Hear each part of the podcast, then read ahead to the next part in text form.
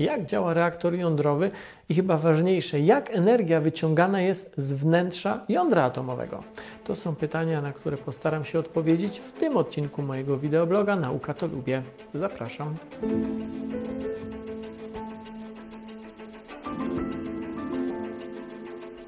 Temat energii jądrowej jest wielowątkowy, dlatego podzieliłem go na trzy osobne filmy.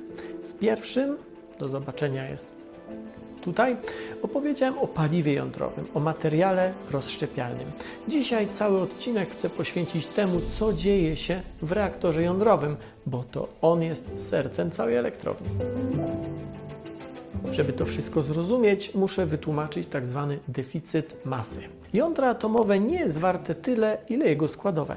Gdybyśmy wzięli dowolne jądro atomowe i porozkładali na pojedyncze protony i neutrony, a potem zważyli, okazałoby się, że protony i neutrony zważone osobno wcale nie ważą tyle, ile waży sklejone z nich jądro atomowe. Dziwne, prawda? Skąd ta rozbieżność? Neutrony i protony w jądrze mają inną energię niż miałyby w postaci swobodnej, zanim utworzyły to jądro. Właśnie ta różnica, zwana energią wiązania, powoduje, że cząstki są do siebie tak dobrze posklejane. Do któregoś momentu, im więcej protonów i neutronów tworzy jądro atomowe, tym mocniej są ze sobą związane. Ale gdy patrzymy na bardzo ciężkie jądra atomowe, one są już tak duże, że protony i neutrony, mówiąc w przybliżeniu, ledwo się utrzymują. I co z tego wszystkiego wynika? Po co o tym wszystkim opowiadam? Ano to, że sklejając dwa lekkie jądra w cięższe zyskujemy energię, bo to cięższe ma mniejszą masę niż dwa lekkie razem wzięte. Ilość tej uzyskanej energii możemy wyliczyć ze znanego wzoru E równa się mc kwadrat, gdzie m w tym wzorze oznacza różnicę masy między dwoma jądrami lekkimi, a jednym sklejonym, tym cięższym. Wszystkie gwiazdy we wszechświecie świecą i grzeją, a czasami nawet wybuchają dzięki energii, jaką zarabiają na sklejaniu lekkich atomów w cięższe. Tak działa fuzja jądrowa. W wielu miejscach próbuje się zresztą fuzję wykorzystać do produkcji energii tutaj na Ziemi, ale to jeszcze pieśń przyszłości. Podstawą współczesnej energetyki jądrowej nie jest sklejanie lekkich i małych jąder w cięższe, ale rozszczepianie tych najcięższych, bo oto, gdy weźmiemy bardzo ciężkie jądro atomowe, na przykład uranu 235 i rozbijemy je na kawałki, to co powstanie będzie miało mniejszą masę niż jądro uranu w całości. Różnica masy pomiędzy jądrem w całości a tymi kawałkami to nasz energetyczny zarobek i można ten energetyczny zarobek wyliczyć ze wzoru tak, E równa się mc kwadrat. Z długiej listy ciężkich pierwiastków dla celów energetyki najlepsze są izotopy uranu 235 i plutonu 239.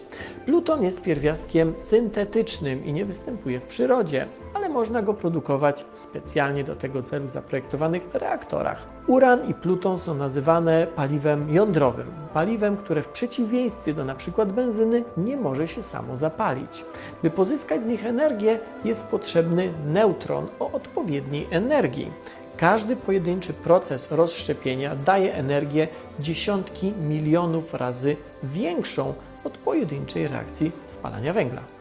Ważne, żeby pierwiastek, który jest wykorzystywany jako paliwo jądrowe, nie tylko był ciężki, ale także miał odpowiedni stosunek neutronów i protonów, by podczas rozszczepienia wyrzucał z siebie neutrony, bo to one uderzając w kolejne ciężkie atomy doprowadzają do kolejnych rozszczepień.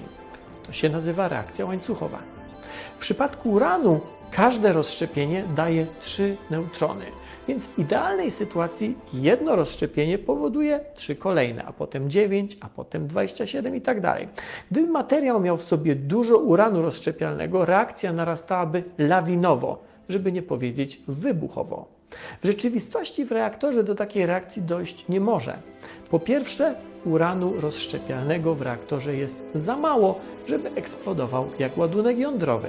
Po drugie, neutrony, które wylatują z rozpadającego się jądra, mają za wysoką energię, żeby powodować kolejne rozszczepienia. Trzeba materiału, który je spowolni. I tak działają moderatory. Nie chcę wchodzić w szczegóły techniczne budowy reaktora, bo typów reaktorów jest wiele, tak samo jak wielkości. O różnych zastosowaniach reaktorów opowiem e, trochę w trzecim odcinku serii o atomie. Zasada ich działania jest jednak zawsze taka sama. Energia pochodząca z reakcji rozszczepienia ogrzewa do wysokiej temperatury mm, jakieś chłodziwo, w, e, najczęściej wodę w pierwszym obiegu chłodzenia. W reaktorach cywilnych, tych, które mm, teraz się buduje, to jest właśnie woda. Ona obmywa pręty paliwowe, w których środku jest tlenek uranu i w których środku zachodzi reakcja.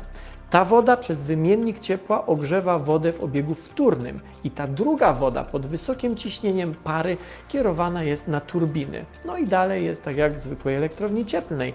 Turbiny obracają się, wprawiają w ruch generator, a generator wytwarza prąd. Ile? A to zależy od mocy reaktora. Na razie nie wiadomo, kto będzie w Polsce budował elektrownię jądrową, ale brane są pod uwagę reaktory o mocy nie mniejszej niż 1 GW. Takich reaktorów w jednej elektrowni może być kilka, choć u nas pewnie będą trzy. Taki zestaw może więc produkować od 3 do ponad 4 GW, gdy kupimy reaktory większe. To moc porównywalna z największą na świecie elektrownią na węgiel brunatny w Bełchatowie, która zapewnia około 20% potrzebnej w Polsce energii. Dwie elektrownie jądrowe z kilkoma reaktorami mogą zapewnić znaczną część naszego zapotrzebowania na prąd elektryczny. Bełchatów jest największym w Unii Europejskiej zakładem emitującym dwutlenek węgla. A jakie są emisje CO2 przez elektrownię jądrową? O tym opowiem w trzecim odcinku cyklu atomowego i już teraz zapraszam. Nauka to lubię na Facebooku i YouTube.